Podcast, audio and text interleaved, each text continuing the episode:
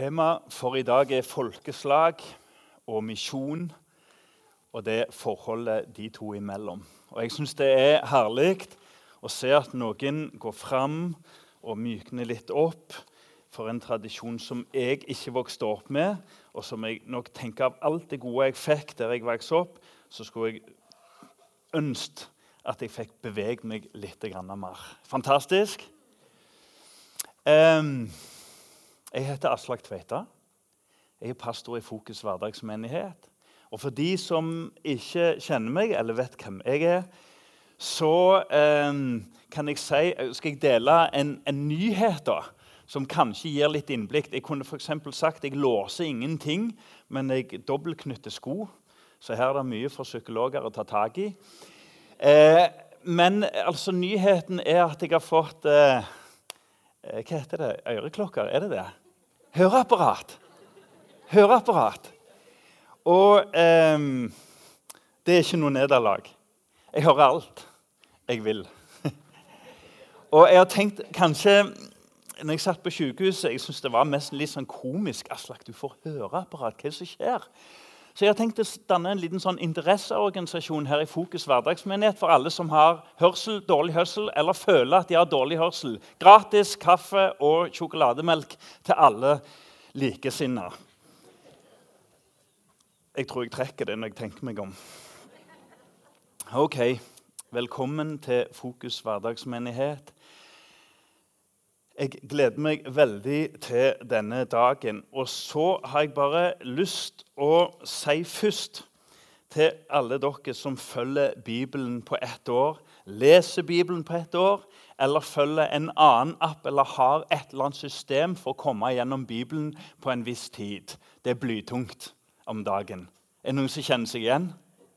Tredje og fjerde Mosebok.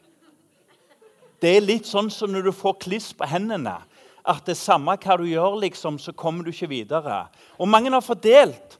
Mange har delt og sagt det at Aslak, det er beintungt nå. Det er gjentakelser av eh, og størrelser. Og så, og så språket liksom, så må de si det for hver stamme. Det er jo tolv. Så når, når poenget kommet til, til Dans stamme, så skal du høre akkurat det samme tolv ganger om igjen. Noen som kjenner seg igjen? Men du, det er fristende å si 'hopp over, bla videre', vent til, til salmene kommer, eller seinere er det jo noe fra Nytestamentet. Men det er veldig viktig, altså.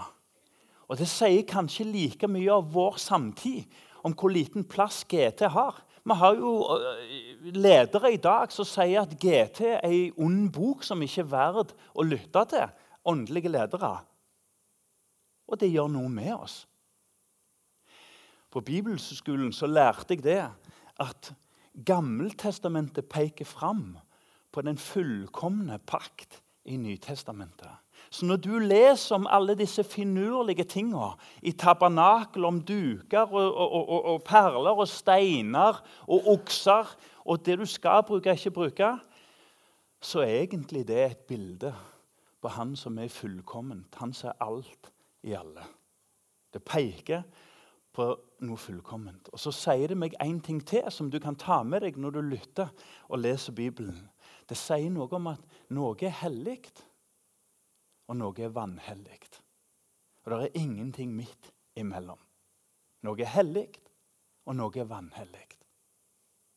Og så er det dette møtet med den hellige Gud som møter et vrangt folk som ligner veldig på en gjennomsnittlig nordmann. Så gode venner, ikke bare hold ut, men husk òg at NT må ses i lys av GT, Gammeltestamentet. Ellers så blir egentlig NT nesten litt, litt tomme ord. Guds lam, se det Guds lam, uten å vite at det, det var alvorlig å ikke bruke et lydløst, altså et feilfritt lam. Herre Jesus, takk for ditt ord. Takk for kraften, visdommen, ledelsen i ditt ord. Jesu Kristi navn. Amen. Denne våren så har vi altså et eh, tema som har med de siste ting og tider. Eschatologi kan det kalles på fint. Eh, og så stiller vi litt sånn større spørsmål. Fins evig liv? Jeg syns det er et veldig godt spørsmål. Fins evig liv? Og Rent logisk, særlig å, Nå glemte jeg eh, Chesterton. Når jeg leser den boka som dere alle burde ha lest, så, så går det opp for meg at det er en logikk i at det kommer noe etterpå. For det står i forhold til at vi kommer fra et sted. Det er veldig, det er veldig egentlig overtroisk, tanken om at ting er bare blitt til. At ikke vi er et avbilde eller et motbilde av noe større enn oss sjøl. Det må jo ha vært noe større enn oss sjøl. I dette temaet så er det et ønske for oss i fokus at du og jeg som hører på disse talene, vi prøver på vårt enkle vis. At du og jeg kan få skille forholdet mellom skygge og mann. Nå står jeg her. De har skrudd av baklyset, ser dere det? Og spotten lyser på meg. Og I den virkeligheten vi lever i i dag, der vi egentlig tror stort sett på det materielle, vi i hvert fall dyrker det materielle veldig i Norge i dag, så er det liksom jeg, meg og mitt. Hvem trenger Gud når en kan ete av seg sjøl? Og så er det en viss åpning for skyggen av meg sjøl eller skyggen av skapelsen. Jeg utfordrer noen som jeg jobber sammen med, og sier når dere går tur i dag og setter dere på den høyeste toppen, er det det skapte eller skaperen som skal æres? Dypest sett. Det er en kar som heter så mye som eh, eh Hans eh, Rookmaker, som sier at å være en kristen betyr å gå inn i virkeligheten. Ingen av dere vil bestride at Aslak Tveita er en virkelighet, en fysisk i hvert fall, virkelighet. Men vi er i ferd med å begynne å tenke at kristendommen er liksom skyggen av oss sjøl. En litt sånn fjern eh, virkelighet. Og Dermed så blir Jesus for mange kristne det lille ekstra, i beste fall. Som en skygge av virkeligheten.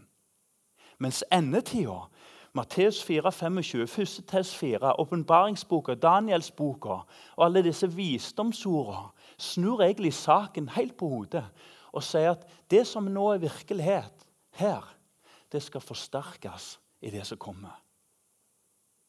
Evigheten er ikke fjern. Det var en som, jeg tror det var veldig viktig, en som kom fram sist gudstjeneste og sier jeg synes det er vanskelig med evigheten, for det ble noe blå, blått og rosa og fjernt og noe herper og noe greier. Jeg ville ikke det.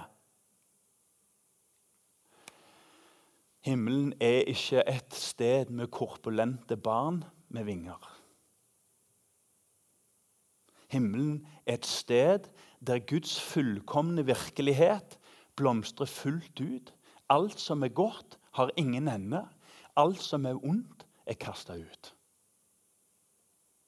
Og Så kan vi leve som om det var en skygge, eller om faktisk evigheten og det som kommer, er en virkelighet. Vi forholder oss jo til at høsten sannsynligvis kommer og er en virkelighet. Gjør vi ikke det?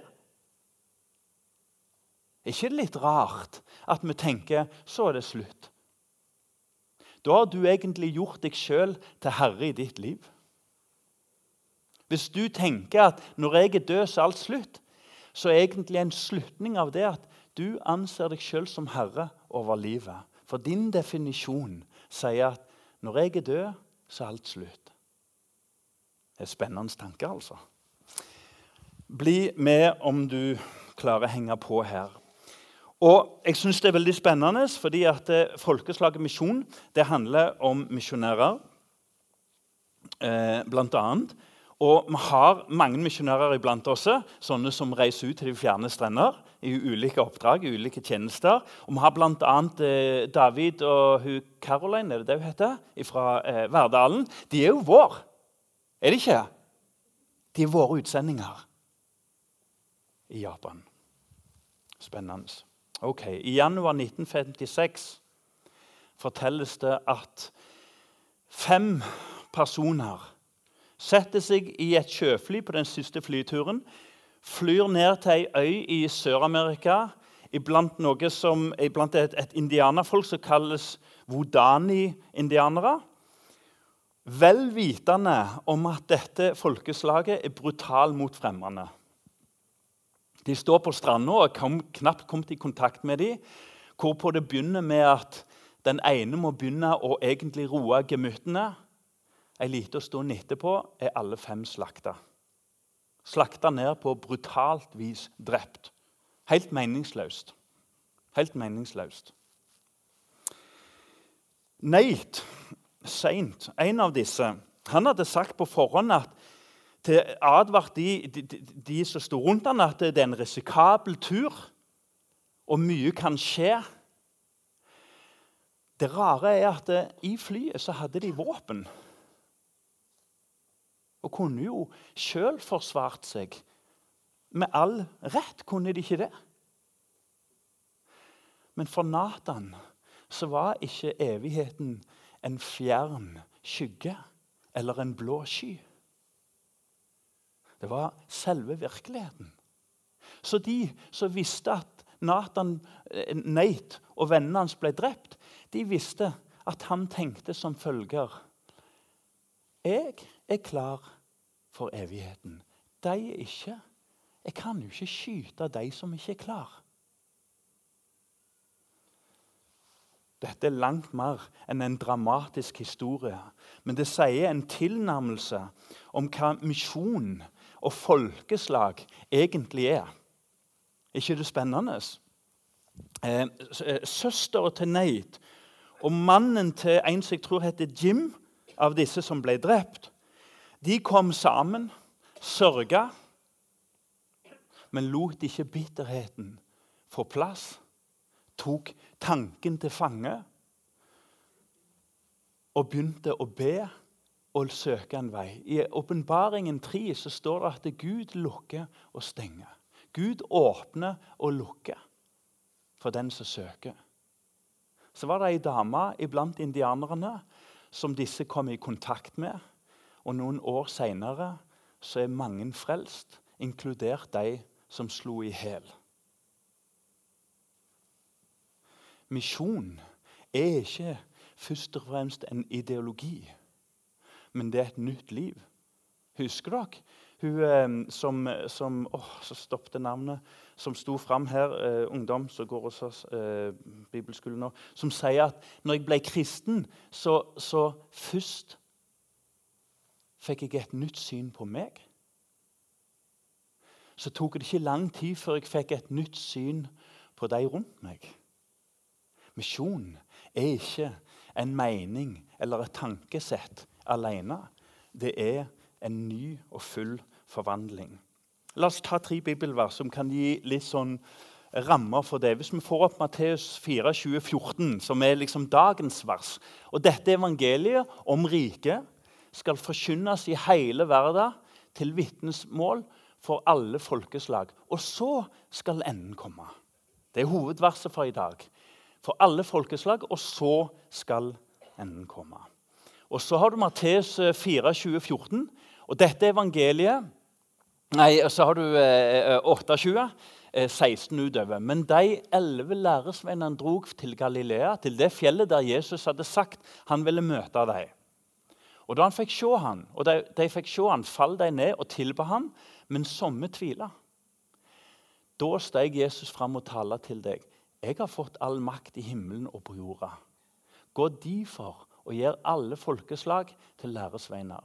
Døyp deg til navnet og Faderen og Sønnen og Den hellige ande. Og lær deg å holde alt det som jeg har både dykk, og se, jeg er med dykk alle dager, så lenge verda står. Nynorsk er nydelig. Så lenge verda står. Um, og så kan vi få opp apostelgjerningene 1,8, som er også en sånn lesetekst som vi tar med oss. Og kanskje du aner at her er det folkeslag som går igjen og igjen. Men det skal få kraft når Den hellige ande kommer over deg. Og det skal være mine vitner i Jerusalem og hele Judea, i Samaria og helt til enden av jorda. Um, det er altså folkeslag som går igjennom.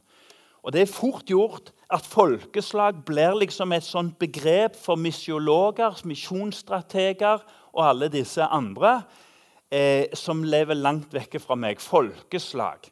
Men visste du det at folkeslag er et kjerneord i Bibelen?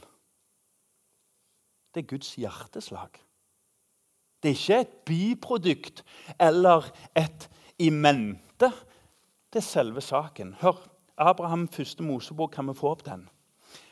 Og Nå snakker vi ikke om en eller annen, nå snakker vi om det første mennesket. Han som heter Abraham først, som var Ur i Kaldea. Alt starta med at Gud kalte han, og han var lydig. Gud kalte han, og han var lydig. Og denne Abraham, første israelitten, får altså dette fra 1. Mosebok 22, 16, og der han er så vidt kommet i gang og sa jeg svær ved, svær ved meg sjøl, sier Herren, fordi du gjorde dette og ikke sparte din eneste sønn, vil jeg velsigne deg rikt og gjøre ett av de tallrik. Og her vil de fleste nordmenn dette av, for nå blir det for vidt og for bredt. Nå hoppet sentrum og søkelys på meg sjøl av. Hør hva Gud tenker som stjernen på himmelen og som sanden på havstand. De ett skal ta fiendens porter. Ved de ett skal alle folkeslag på jorda velsigne seg, fordi du hørte på meg. Ser du aksen mellom han som hørte, og de som ble velsigna? Han som hørte og lydde, og de som ble velsigna. Det er den aksen en kristen lever i. Og her er det altså folkeslag. Og Da er det lett for oss å tenke at det ikke er så nøye for meg. Ja, for så vidt. Men det er noe med folkeslagene. Og det skal vi se litt mer på nå. Hvis vi får opp Matteus 4, 2014 igjen, kan vi få opp den? Og Der står det jo at dette er vitnesbyrdet, Matteus 24, eh, 14, ja. Og dette er evangeliet om riket skal forkynnes i hele verden til et vitnemål for alle folkeslag. Og så skal enden komme. Foranledningen her er noen disipler som er veldig nysgjerrige og kanskje vel så bekymra og usikre. Og så spør de to spørsmål. Når skal det skje? Edvin var inne på det her. Når skal det skje? Og hva tegn skal vi se etter? Og hva tegn skal vi se etter? Og vi vet at i endetidsforkynnelse så har det vært forkynt mye uheldig. Mye skremselspropaganda som egentlig var meint godt, men ikke skapte det en håpte på. Jesus sier jo 'trøst av hverandre' med disse ord. Så Bibelens overskrift på endetid er ikke å skape frykt og usikkerhet, men det er å være varm og være klar og leve nær Jesus. Ja, og ha trygghet. Dette sier jeg til dere før det skjer, så dere skal tro når det skjer. Det er veldig viktig å ha den tilnærmelsen. At det er alvorlig, det passer òg inn. Eh, når det gjelder folkeslag her, så har de altså to spørsmål når og tegn. Og Jesus tar de brutalt med inn i det som kommer fra de første kristne. Og husk på dette er ikke en tenkt worst scenario. Dette her visste de allerede. Så Jesus bekrefter det de per dags dato sto i. Villedelse og vranglære og jeg er nok av de som mener at i menighetslivet i Norge i dag så er vranglære tatt altfor lett på. For vranglære skaper ikke frukter med en gang alltid, men over tid. Så skaper det noe av de vanskeligste ting for Guds folk. Og det er særdeles vanskelig å rette opp i. Det må en vekkelse til. De måtte forvente seg lidelse forfølgelse, frafall. Og så står det òg nærmest som en sånn konklusjon at eh, kjærligheten skal bli rett og slett kald. Hvis jeg skulle plukket ut én av dem, så syns jeg det passer veldig godt på vår tid. Fordi at kjærligheten skal være der. Den vil alltid være der. Det vil være en eller annen forståelse av kjærligheten. Dilemmaet er at den er kald. Når jeg vokste opp, så var det ikke så mye kjærlighetsspråk. I dag kan du knapt åpne ei avis uten det er noen ting som går rundt disse greske ordene som har med kjærlighet. Vi har jo bare ett ord for det i Norge. Spørsmålet er er det en varm kjærlighet, eller er det en kald kjærlighet. Um, og så Det som er litt sånn spennende her, det er det at Jesus tegner jo et bilde som gjør at en kunne tenkt seg at det, dette er jo døden for enhver kirkevekst. Hvem vil bli kristen med sånt? Du skal egentlig forvente bare elendighet fra nå av og framover. Men så tegner han også egentlig opp en ny vei. og Så ser han i disse tingene så skal evangeliet sprenge murer. I disse så skal evangeliet slå ned jernporter. Og så skal folkeslag vinnes for Guds rike. Og Da har vi jo kulturkrasj nummer én. Jeg har nevnt det før for Fokus hverdagsmenighet. Men jeg tror at vi er i ferd med å begynne å dyrke konformitet eller behagelighet og ha det godt. Og jeg tror det er en av grunnene til kraftløsheten i norsk menighetsliv. Kultur, sier vi, det er det du aksepterer. Det er ikke bare det du skaper av vitalitet og positivitet. Men enda større kraft på menighetslivet og kristenlivet er kultur du slipper inn og aksepterer. Og Hvis det er om å gjøre for oss at våre barn først og fremst vokser opp i trygghet og polstring, så høster vi som vi sår. Det var en som sa Jeg syns det var en ganske spennende tanke. Han sa jeg vi har en sånn pastorskole her annenhver torsdag. Jeg prøver å ha målretta lederutvikling. Så får du spørre de som går der, hvor målretta det er. Men han sa jeg måtte bli over 40 år før jeg fikk et øre som lytta til Guds stemme. For den plass hadde mor hatt. Jeg måtte bli over 40 år før jeg lytta til Guds stemme, for den plassen hadde mor hatt. Ære være mor. Men det er noe med å la våre kommende generasjoner få vokse opp med soliditet og til å kunne stå i det som nå kommer. For det kommer noe helt nytt til dette landet.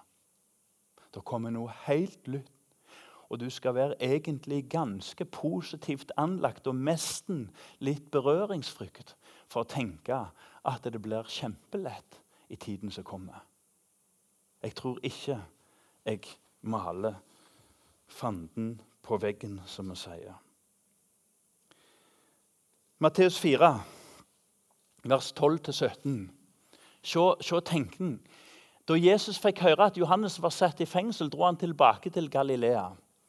Han flyttet fra Nasaret og buset seg i Kapernaum ved sjøen i Sebulons og Naftalis land. Dette er en misjonstekst. Slik skulle det oppfylles, det som er tale gjennom profeten Jesaja. Hør. Sebulons og Naftalis land, ved veien til havet, bortenfra Jordan, heidningers Galilea. Det folket som bor i mørker, har sett et stort lys.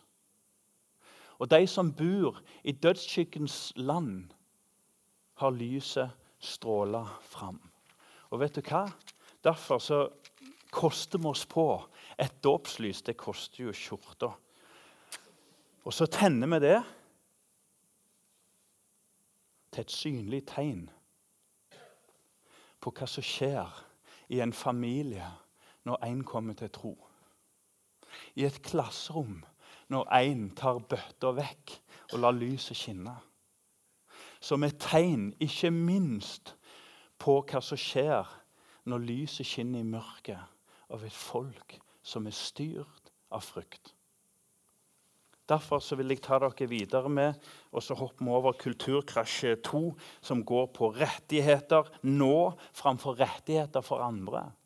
Likhet nå framfor likhet ved Guds dommedag. Når Gud i fullkommenhet ved sin sønn skal dømme rett og galt og gjenopprette alle som har lidd urett, og vet de aldri, aldri på jord få tilbakebetalt det som ble tatt fra dem. Det er noe å se fram til. Men hvis meg og deg er opptatt av rett nå, så blir vi mennesker som dyrker dagens virkelighet og ignorerer Guds fullkomne rettferdighet. Og Da vil jeg ta dere med til Lausanne. En god misjonstale er nødt til å ha med Lausanne, ellers har du ikke peiling på hva du holder på med. 1974, denne bevegelsen, den eh, ble nok en fornyer, har jeg lest, for jeg var to år da. Eh, så jeg fikk det ikke med meg. Men det ble nok en fornyer for mange misjonsorganisasjoner som oppdager at vet du hva, vi holder på med land. Vi må tilbake igjen til de unådde folk. Unreached. Ethnics. Og så ble det nærmest en sånn positiv panikk. Mange organisasjonsledere reiste tilbake igjen og begynte igjen å granske Guds ord. Hvem er det vi skal gå til? Noen tiår etterpå så er vi fortsatt tilbake i at en forsvinnende liten del av misjonsorganisasjoners ressurser brukes på de unådde. Og Nå snakker vi ikke om kirker og bedehus. Nå snakker vi om organisasjoner som har sitt mål å bre evangeliet til de fjerne strendene. Så er det en forsvinnende liten del som brukes direkte til de unådde. De som aldri har hørt før. Og Hvorfor nevner jeg det? Hvorfor nevner jeg at det er antageligvis etter menneskelig forstand 16 000-17 000 forskjellige forslag, eh, folkeslag? Hvorfor nevner jeg det? Fordi at det er noe med Guds rettferdighet. At når lyset er tent i ett folk, og du og meg som misjonsfolk ikke har en noenlunde skarp tanke om hva som skjer når én dame i et indianerfolk har sett lyset, så er det håp. Har du tenkt på ordet 'uten Gud' og 'uten håp' i verden? Midt iblant oss nå i dag så vokser det opp en generasjon. Jeg merker det når jeg er ute på jobb. Jeg merker det på jobb. At det vokser opp en generasjon. Gud er ikke en virkelighet på noe som helst vis. Håpet er at den generasjonen som vokser opp, ikke har en postkritisk kirketrapptilnærmelse der du står og kirker inn og kritiserer alt som står i kirka, men heller ikke er villige til å gå bort ifra det og ta full hedensk tenkning. Den generasjonen som vokser opp nå, håpet er at det er ingen håp. Har du merka det? Håpet mitt er at jeg er omgitt av mennesker som tenker det er helt OK å hate hvis noen har gjort noe dumt. Det er helt OK å hate sin fiende. Da er det håp. I den forstand at lyset skinner der det er mørkt, med kraft. Bli med meg eh, til slutt i en rekkefølge av noen ting her som du får bare plukke med deg noen, noen punkter. Ressurser inn og ressurser ut. Tenk så spennende som om vi kunne vært målretta på, på, på, å drive fram eh, en skole som, som utvikler misjonærer. Nå har vi starta pastorskolen. Vi var eh, 30 eh, stykker, 25, vi er 25-30 stykker fra ulike eh, fellesskap her på Klepp. Samles her annenhver torsdag. Eh, vi kan ikke bare snakke om hyrder som, som sånn, holdt jeg på å si, sånn eh, honnørord. Vi, vi, vi, er nødt til å skolere det. Misjonærer òg. Tenk så spennende hvis vi kan begynne å skolere misjonærer, litt sånn som f.eks. Ungdom i oppdrag gjør, eller Misjonssambandet prøver på. Tenk så spennende. Det vil jeg være med på. Eh, men jeg er nødt til å ta opp en ting med dere som jeg tror vi alle kjenner oss igjen i. Og det er motstand og berøringsangst mot misjon og folkeslag. Det ligger i oss. Historien om Babels tårn, hva er det? Det er en historie om splittelse, distanse, mistenkelighet og krig og rykter om krig. Misjon er en historie om han som knuser Babels elendighet og samler tilbake sitt folk. Hør. Den skepsisen som Babels tårn har lagt i oss, produsert av oss sjøl, sitter djupt. Jødene delte ikke opp i Abrahams folkeslagtenkning sånn som de skulle. De delte opp i religiøse grupperinger og rene og ureine. Peter blødde for det. Når han kom til Kornelius' hus og skulle inn, så sto han akkurat som en hjelpeløs uh, tufs. Jeg kan ikke gå inn i det huset. Og Så tar Jesus han grundig i lære, og så sier han det er jeg som bestemmer hva som er rent og ureint. Og Da er spørsmålet egentlig hva er folkeslag i mitt og ditt liv? Hva er folkeslag her på Klepp? Og Det er liksom et litt sånn alvor, men òg en mulighet i Hvis jeg som pastor, som pappa, som Aslak og alle de tinga stort sett snakker negativt om Klepp, hva høster jeg da? I dag morges når jeg kokte sammen dette her og prøvde å lime det, så sto jeg og kikket utover en skole som de bygger nær før oss. Hvis jeg bare ser rosa kompetanse hvis jeg ser bare barnebråk å, Det blir sikkert masse bråk. Det når sikkert helt opp til oss en uheldig maidag. Jeg hører sikkert lyden av barn helt opp til meg.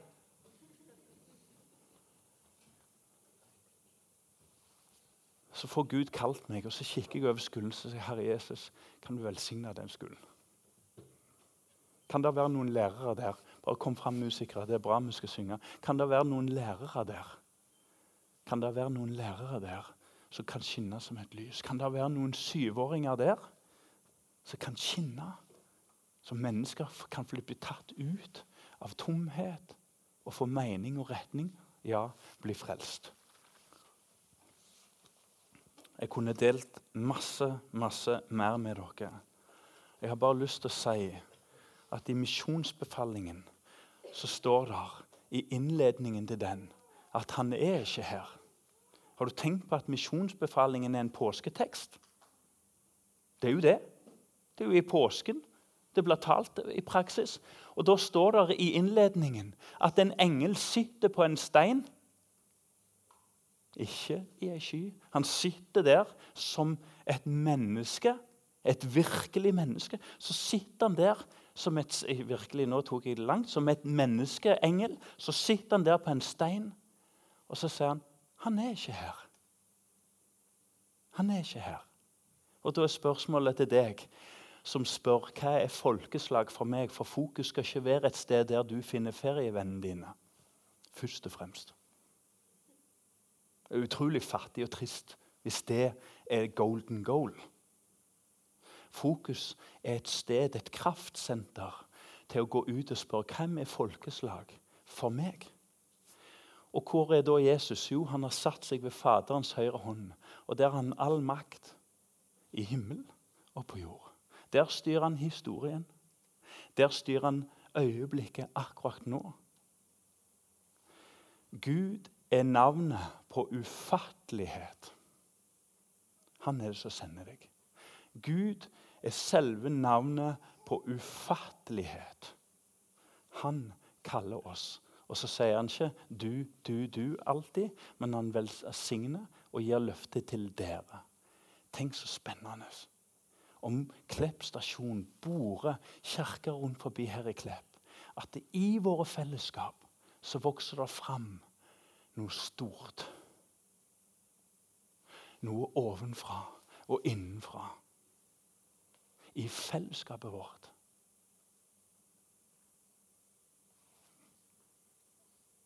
Gå i fred.